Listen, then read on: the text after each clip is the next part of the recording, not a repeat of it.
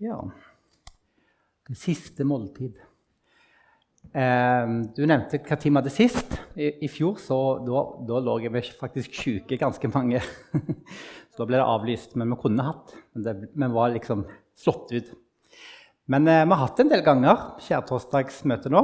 Og jeg vil bare rette en takk til den som tok initiativ til dette. At vi begynte med det på Hornland i de senere årene. Og dere vet hvem det er? Det er Trond. Så takk for det. Det har vært veldig kjekt å samles på denne måten. Når vi har påskeferie, så eh, er det jo veldig, veldig kjekt å kunne samles i lag og minnes det Jesus har gjort. Og i dag så skal vi se på jeg tenkte Det ble litt feil å ha med profeten Habakuk i dag, eller?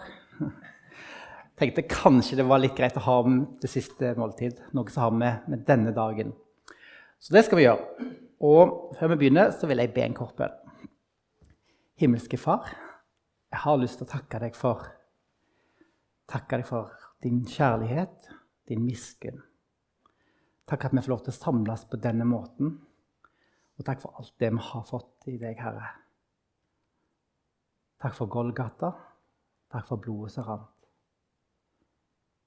Og takk, Jesus, at du var villig til å gå veien. Den lange veien til korset. Amen.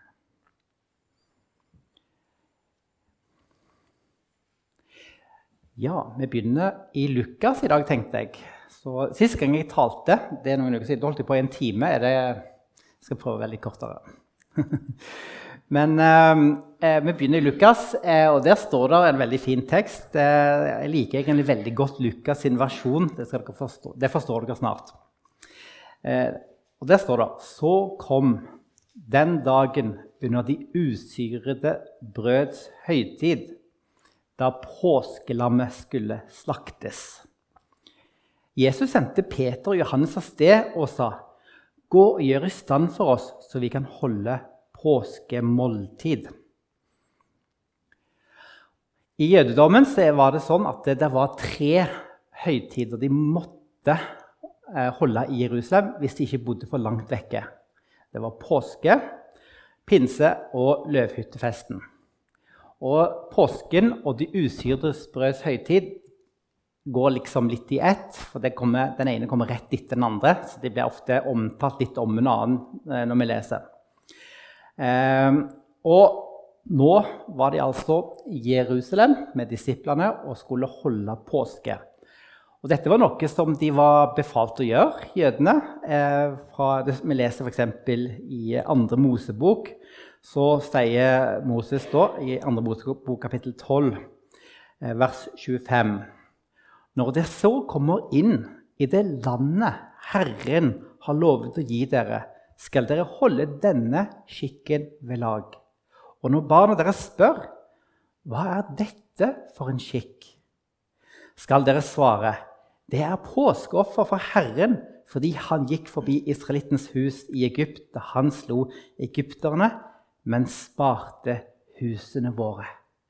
Altså, De skulle minnes om dette. Og legg merke til hvordan de omtaler det. Ikke som når de sparte de som gikk ut den gangen. I kapittel 13 i 2. Mosebok står det Den dagen skal du fortelle sønnen din dette er til minne om det Herren gjorde for meg da jeg dro ut av Egypt.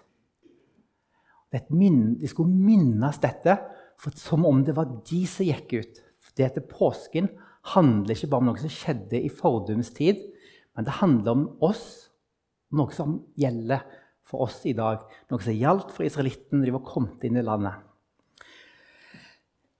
Dette måltidet som Jesus nå feirer, er altså et påskemåltid. Det er et jødisk måltid. Og for å forstå og se litt hvor stort måltid det er, og, og litt av budskapet i teksten, så er det lurt å forstå litt av eh, tradisjonene som var den gangen, og, og hvordan de feirte påske i Jerusalem. Vi ønsker å prøve å forstå hvordan tenkte disiplene når de hørte Jesus tale denne kvelden til dem. Alt det han gjorde, og det han sa. Og det er ladd med betydning.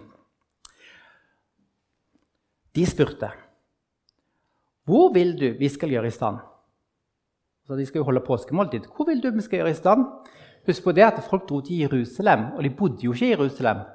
Men det var veldig viktig for at de som bodde i Jerusalem, var gjestfrie og åpne hjemmene, så folk kunne feire påske. Og det var altså så mye mennesker i Jerusalem.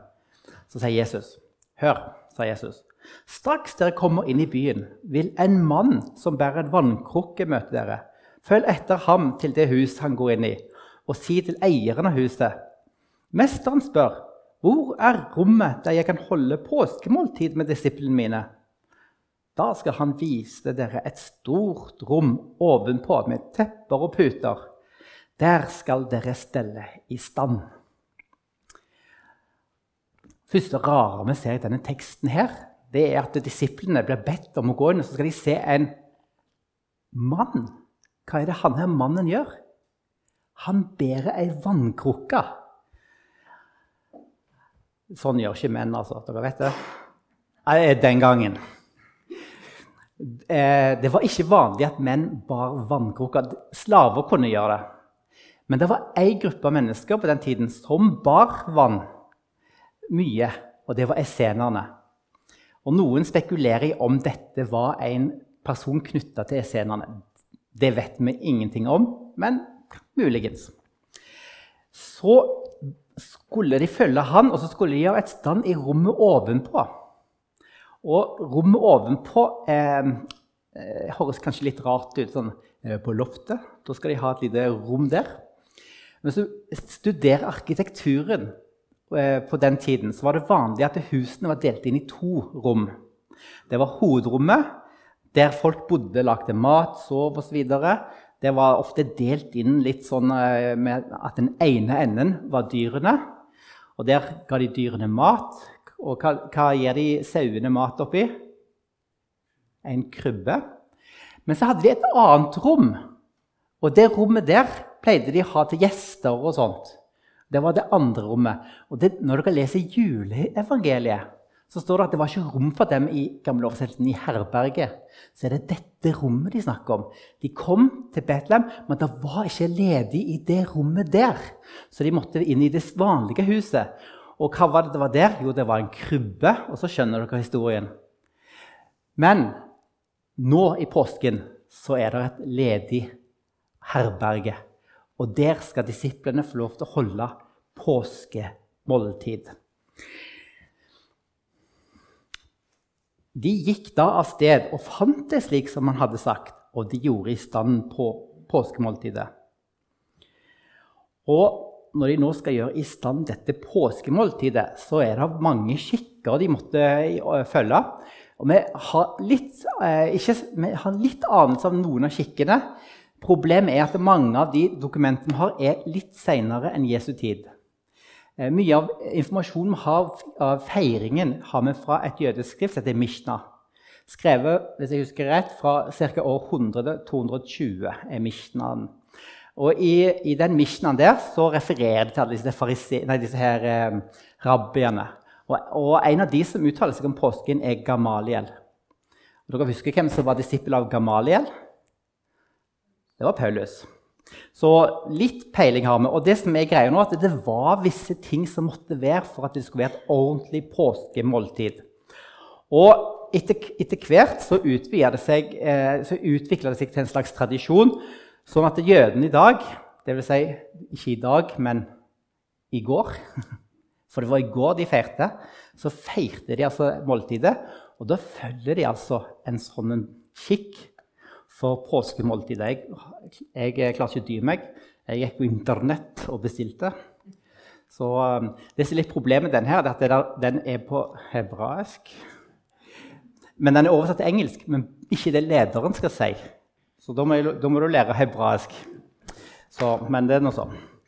Men eh, denne tradisjonen da, har på en måte utviklet seg litt. Og i dag så ser det litt sånn ut. Skal vi se, jeg måtte ha bilde av den. At de må ha et sånt fat.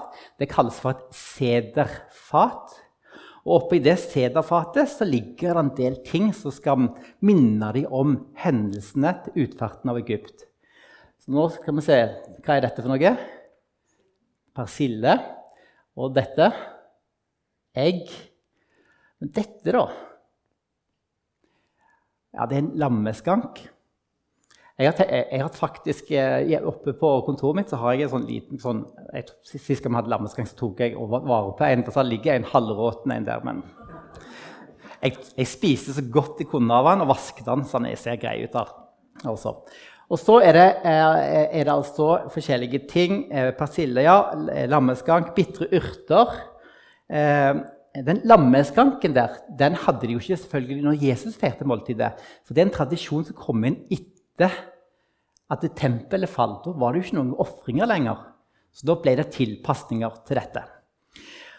Og Så er det en haroset. tror det er den her. Det er en sånn mørtel og nøtter og eple.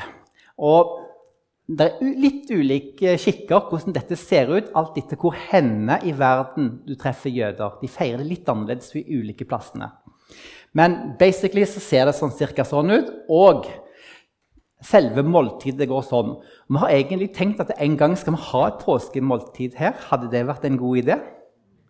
Da må dere sette av noen timer, for det tar litt tid, men det er veldig gøy. Vi har gjort det før. Ikke her, tror jeg, men vi, vi gjør det en gang. Ja. Og da ser dere at det, dette måltidet er egentlig strukturert rundt fire beger med Jeg liker det ikke, men det er vin.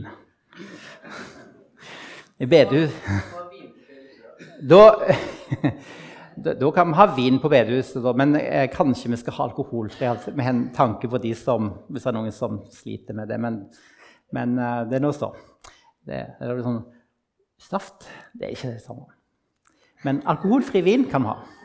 Nå må ikke du blande deg inn i dette. Men uansett, det var altså strukturert rundt disse her. Eh, og eh, nå skal vi se her. Ja, Klarer dere å lese dette? Der står altså 'Simen leseder shall pesach'. Og det betyr altså eh, punktene i eh, ordningen for eh, påsken. Noe sånt som det. Ja. Nå tror dere at jeg bare skrøner, men faktisk har jeg lært akkurat de ordene der. Men jeg pugga de før jeg kom i dag, så det er ikke så imponerende. Men sånn er det. Ja, eh, Hvorfor har de altså disse her fire begerne i denne feiringen? Eh, da er det sånn at det, det, er veldig interessant å lese om jødisk tradisjon. Problemet er at Mishnaen er så tjukk, så, så det tar litt tid. Men de har f.eks. noe som heter midras. Det er, hørtes veldig kult navn ut, men det betyr altså tolkning. Så Jødene har en tolkning av loven, og i den så tolker de versene, disse versene her fra 2. Mosebok, kapittel 6. Der står det Jeg er Herren. Jeg vil føre dere bort fra tvangsarbeidet i Egypt og fri dere fra slaveriet. Jeg vil løse dere ut med utstrakt arm og med stor straffedommer.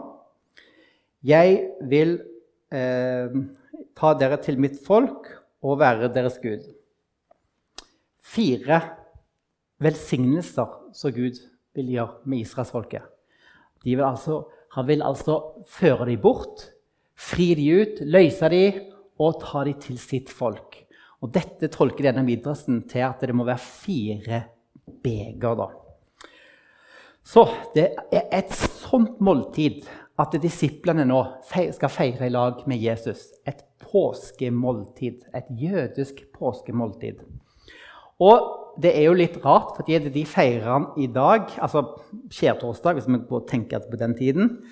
Eh, og så leser vi Johannes-evangeliet. Så plutselig så er det litt, det er litt sånn vanskelig det med når skjedde ofringen.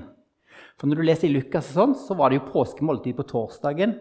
Mens når Jesus dør, så var det jo på fredag, da når offeret skjedde i tempelet. Og det er sikkert mange gode forklaringer. Den beste forklaringen jeg har sett så langt, er at det har noe med hva type kalender som ble brukt. For det var i hvert fall ulike typer kalendere. Og da hadde de altså den galileiske kalenderen, som det ser ut som disiplene følte, på, som Lukas følger, og disiplene følger, så de feirer det på torsdagen. Og så er det òg eh, eh, kalender, som det ser ut som Johannes følger. Kanskje ikke så rart, siden Johannes-evangeliet er så sentrert rundt høytiden i tempelet. Og vi vet hvem som styrte i tempelet på den tiden. Det var sadukerene. Så muligens det er en forklaring. Uansett, ikke godt å si, men det er mange gode forklaringer. En av de er sikkert rett. Så leser vi videre i Lukas. Da tiden var inne, tok Jesus plass ved bordet sammen med apostlene. Og han sa til dem, 'Jeg har lengtet inderlig etter å spise dette påskemåltidet med dere før jeg skal lide.' For jeg sier dere, aldri mer skal jeg spise påskemåltidet før det er blitt fullendt i Guds rike. Og jeg syns at dette er så fint, det som står der. Og det står her, og han sa til dem, 'Jeg har lengtet inderlig etter å spise dette påskemåltidet med.' Jeg har lengtet inderlig. Okay? På gresk så står det noe sånt som epitumeia, epitymesa. Altså det er samme ordtype, dobbelt opp. Og betyr noe sånt som Med inderlig ønske har jeg ønska å spise dette påskemåltidet med dere. Jesus har virkelig ønska det. Er ikke det litt rart?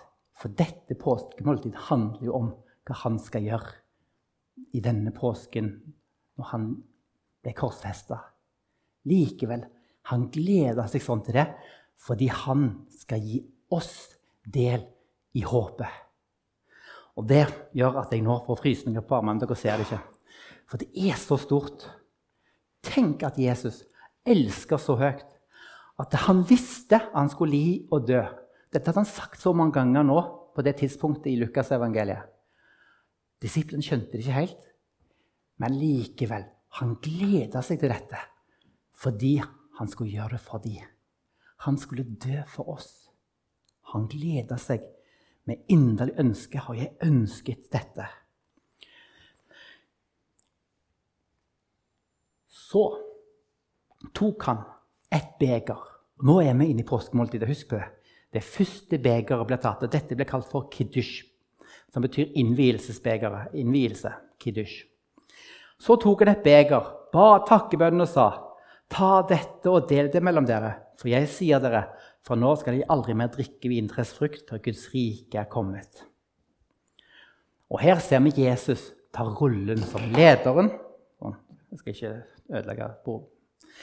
Jesus tar rollen som, eh, som, som, ofte far gjorde i et hus, som den som leder påskemåltidet. Jesus leder dette påskemåltidet, og så ber han eh, da velsigne dette her begeret. Og her ser vi altså at vi nå er vi altså i kiddush, det første begeret. Innvielsesbegeret. Da jeg vet ikke om dere sitter, Har dere sett når jødene feirer påske? Det er sånn, dere hører ett ord de ofte sier. Det er 'bahur'. Har dere hørt det? Bahur. De sier 'Bahur ata Adonai Eloheinu melech haolam. Bahur pri hagafem. Noen som skjønte det? Nei, ingen skjønte det. Ok. Baruch betyr velsigna.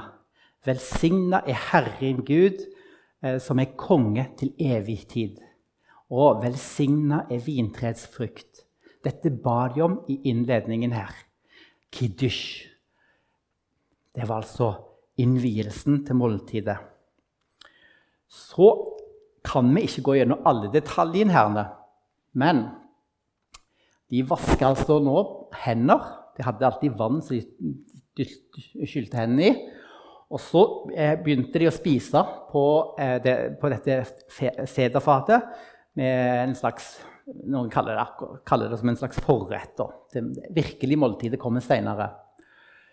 Men så etter, i punkt fire i denne punktlista så står det altså at de brøyt det midterste brødet, for de hadde sånne usikre brød som de hadde bakt. Vi har en gang prøvd å bake usyrede brød. Husker du det, Hermod? Vi skulle feire nattverd første gang eh, i bibelgruppa. Da hadde vi feira usyret brød. Det var ikke suksess. Husker du ikke det? De var jo så harde. Vi klarte det ikke. Vi overstekte de. Så det, når vi skulle bryte brød, så var det klang, klang, så knakk det så bare. Men sånn, sånn pleide ikke å se ut. da. Eh, de, de, de, som vi brukte, de var sånn fine. Ofte de, I dag er de firkanta eller sånn kvadratiske. Så hadde de flere av de. Og så brøt de det midterste. Og det kom en tradisjon med at de gikk og gjemte ett av brødene. Det ble kalt for afikomen.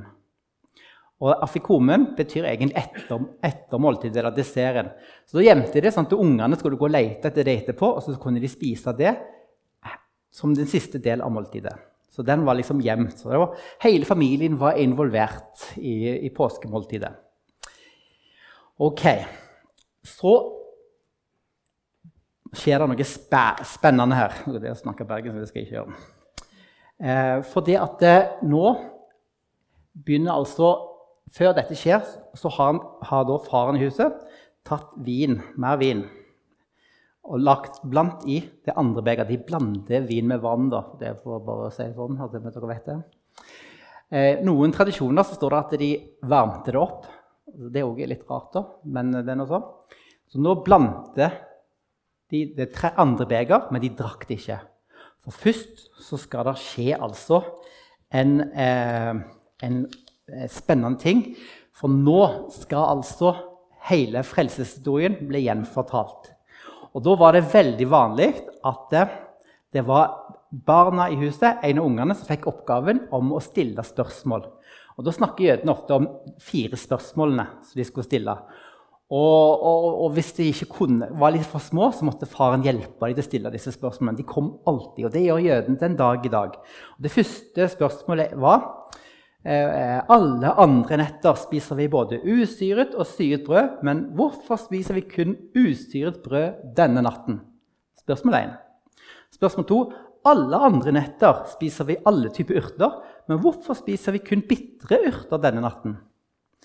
Nummer 3. Alle andre netter dypper vi ikke urtene våre, men hvorfor dypper vi dem to ganger denne natten? Og det siste spørsmålet Alle andre netter spiser vi lammet både kokt og lagt i gryta og stekt. Men hvorfor spiser vi kun stekt denne natten? For de skulle bare steike lammet. Og dette åpna anledningen til faren i huset, som nå skulle begynne å fortelle frelseshistorien. Og Da står det i Mishna at han skulle begynne med Abraham. Og så skulle han fortelle hele historien og når dere ser i denne her Haggadaen her, så vil dere se at det der er Hvor finner de, da? Det er sånne fine tegninger inni her. Selvfølgelig klarer ikke jeg å finne, finne de. Masse sånne tegninger som skal illustrere. Så her ser dere utgangen. Ikke sant? Med her drar Abraham av gårde. her. Sant? Så det er liksom pedagogisk verktøy de hadde da for å fortelle frelseshistorien. De ble ført til Egypt. De ble ført ut av Egypt, og ti plager ble gitt. Og hele fortellingen kommer inn i landet og, og får velsignelsene der. Så da forteller de denne her, da. Og så forklarer faren òg hva lammet betyr, de bitre urtene og det usyre brødet. Det usyre brødet fordi at de hadde strevd i Egypt, men når de skulle, skulle gå for landet, så hadde de ikke tid til å syre brødet. Så da måtte det bli usyra brød. Og de skulle ikke ha med seg syra brød fra Egypt. Så der har vi det. Men i fortellingen i Lukas så står det Så tok han et brød og jeg husker at det var disse med afikomen og disse greiene. Takket og brøt og ga dem og sa Dette er min kropp som gis for dere, gjør dette til minne om meg. Wow! Ser dere det? At det frelseshistorien blir fortalt litt annerledes nå. Fordi at alle disse tingene, løftene til Abraham, utferden fra Egypt Alt dette her har sin oppfyllelse i Kristus, i Jesus. Så påsken handler om Jesus. Alle disse tingene peker mot han. Han som er lammet som skulle bli slakta. Jesus er oppfyllelsen av påske. I denne her, skal vi se, nå kommer den. Der, ja. I denne her fortellingen her, nå hoppet jeg over punkt 6, men der står det 'vaske hendene før måltidet'. Trolig var det i dette punktet at Jesus reiste seg opp, bandt et håndkle om livet og vaskte føttene til disiplene. Det er jo helt utrolig. Verdens frelser, han som skapte himmel og jord, bøyer seg ned og vasker de skitne føttene til disiplene. Og på dette punktet vasket han òg Judas sine føtter. Han vasket de alle.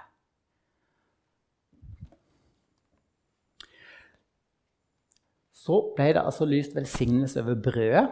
Og der ser dere handler om Jesus som tok et brød, takka brødet og sa hva var det var med dette brødet? Jo, han sa der, husker dere her? Dette er min kropp som gis for dere. Gjør dette til minne om meg. Så de skulle minnes om det som skjedde i Egypt osv. Men nå er det altså et minnemåltid om Jesus. Vi skal minnes han. Der. På samme måte tok han begeret etter måltidet og sa dette begeret er den nye pakt i mitt blod som blir utøst for dere. Og nå ser vi at han innstifter nattverden. Og dette begeret her er altså eh, det tredje beger. Og da ser dere her at hvis jeg klarer dette her Spiste bitre urter, gjorde de. Og så spiste de her forskjellige ting her. Ikke, ikke, så godt å si. Jeg spiste festmåltidet.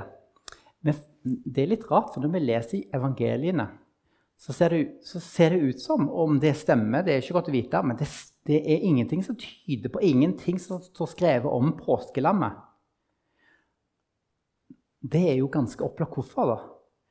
For hva var det Johannes sa om han? Se Guds lam som bærer verdens synd, eller bærer bort verdens synd.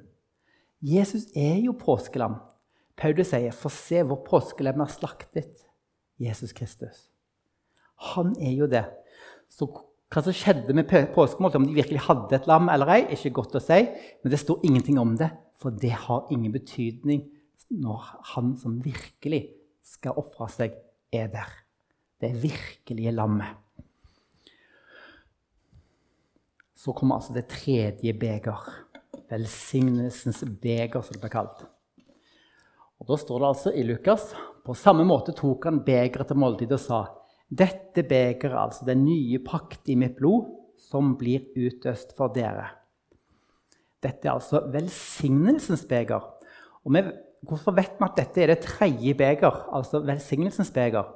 Jo, fordi vi kjenner Paulus sine skrifter. I 1. Korinterbrev skriver han i kapittel 10, vers 16.: Velsignelsens beger, som vi velsigner, gir det ikke del i Kristi blod? Brødet som vi bryter, gir det ikke del i Kristi kropp? Altså velsignelsens beger. Litt senere i samme brev, 1. Korinterbrev, så skriver altså Paulus det som vi kommer til å lese når vi skal feire nattverd. I den natt da Herren Jesus ble forrådt, tok han et brød, takket, brøt det og sa, 'Dette er min kropp, som er for dere. Gjør dette til minne om meg.' På samme måte tok han begeret etter måltidet og sa, 'Dette begeret er den nye pakt i mitt blod.' 'Hver gang dere drikker det, gjør det til minne om meg.' For hver gang dere spiser dette brødet og drikker av begeret, forkynner dere Herrens død helt til Han kommer.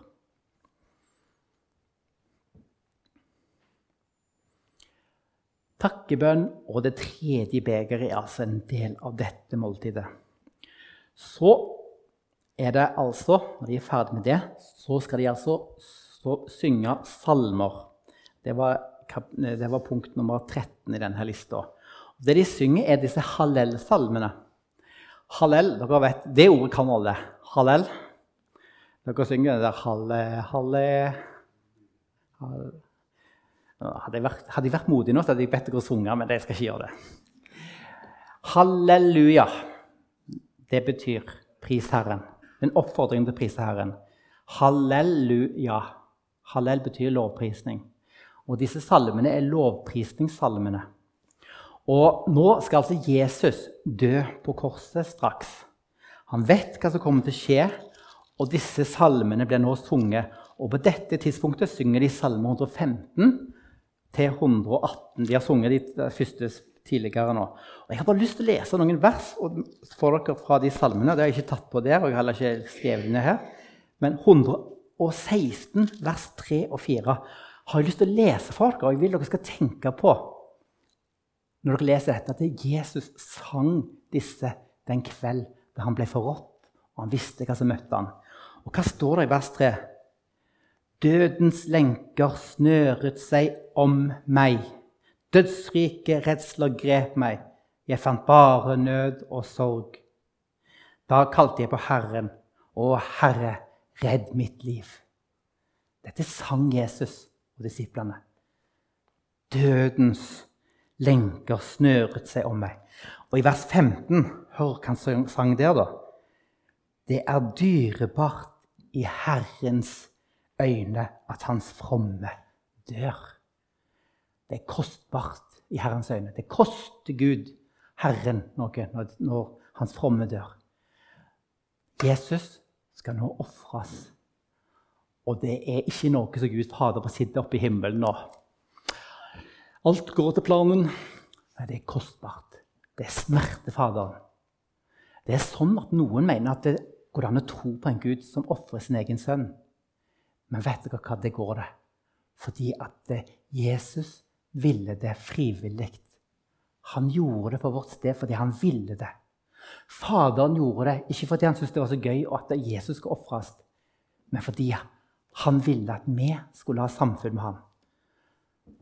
Det er dyrebart i Herrens øyne at hans fromme dør.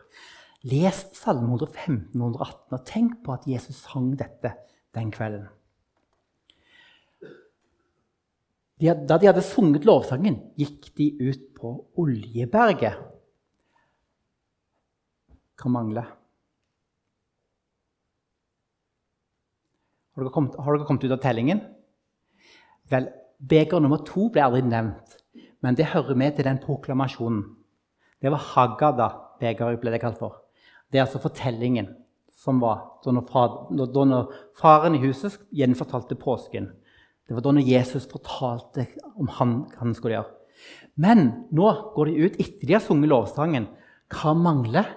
Jo, det fjerde beger mangler i dette påskemåltidet. Er ikke det rart? Hvor ble det av? Første beger, kiddush, det var innvielsens beger. Andre beger, hagada, det var gjenfortellingen. fortellingen. Tredje beger, velsignelsens beger, beracha. Og så er det det siste beger. Det har òg et navn, og det blir kalt for halal. Altså lovprisningens beger, men òg håpets beger blir det kalt for. Håpets beger. Så lovprisningens beger, hvor ble det av det?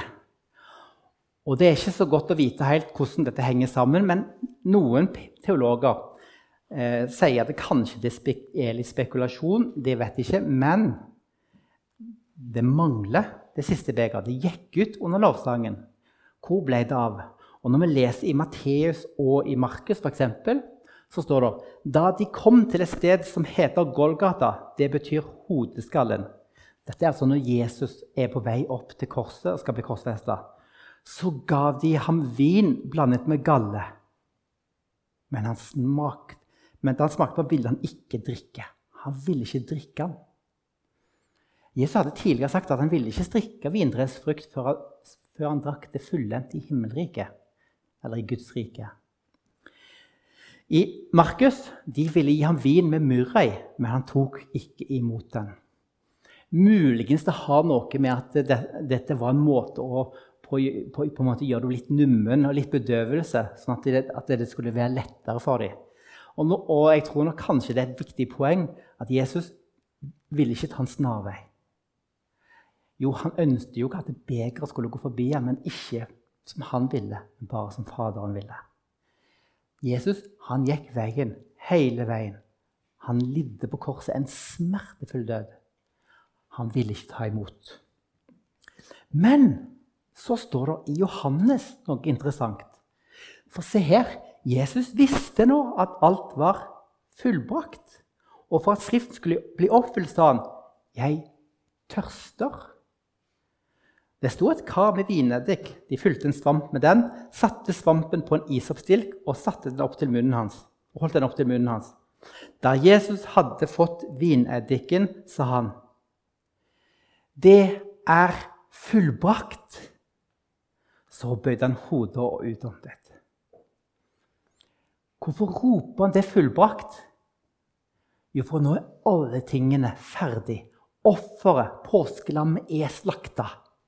Det endelige påskemåltid, det endelige påskelammet, henger på korset og skal nå dø ut i vårt sted. Påskemåltidet som peker på Jesus, er nå fullendt. Da drikker han det fjerde beger. Det er fullendt. Påsken er oppfylt i Jesus fordi han ga sitt liv på korset. Kanskje det som skjer i Getsemane, kaster lys over dette. For hva var det vi kalte begeret for i den jødiske påskemåltidet? Det var hallel, men det ble også kalt for håpets beger. Men nå, når Jesus nå tar det siste beger, så er det fordi at Jesus har nå tatt på seg den forbannelsen som vi skulle ha. Den som gjør at vi i utgangspunktet er uten Gud og uten håp i denne verden. Hør. I Getsemane sa Jesus Han gikk fram et lite stykke, kastet seg ned med ansiktet mot jorden og ba. Min far, er det mulig, så la dette beger gå fra meg. Men ikke som jeg vil, bare som du vil. Et sånt beger er vanlig når du leser i Gammeltestamentet. handler om straffedommen, om vreden.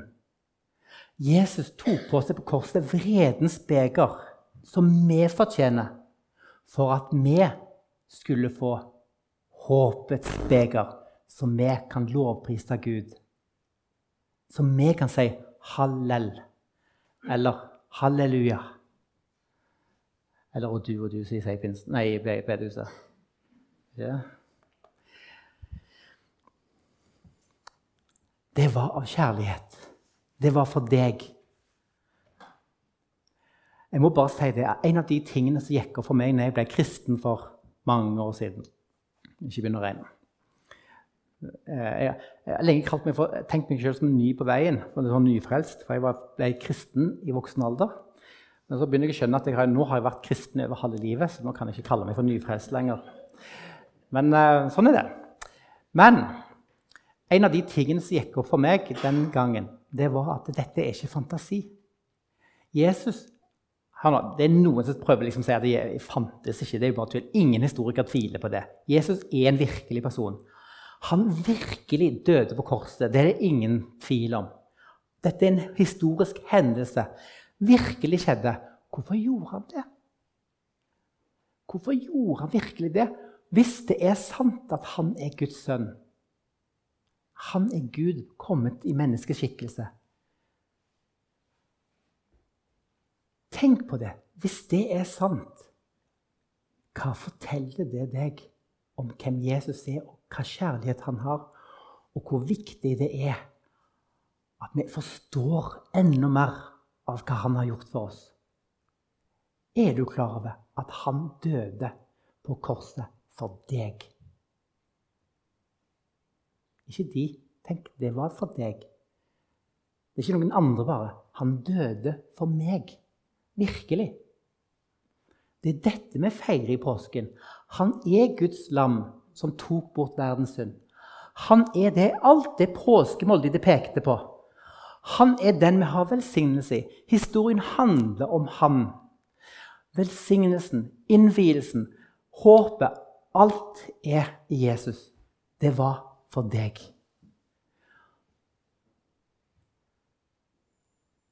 Det er noen som sier at det ikke er verdig å gå til nattverd. Jeg kan bare fortelle deg at det har de helt rett i. Ingen av oss er det. Men det er kun av nåde, fordi Gud elsker så høyt. Det er nåde. Gratis. Guds kjærlighet til oss. Sånn er Gud. Han elsker oss fordi han elsker oss.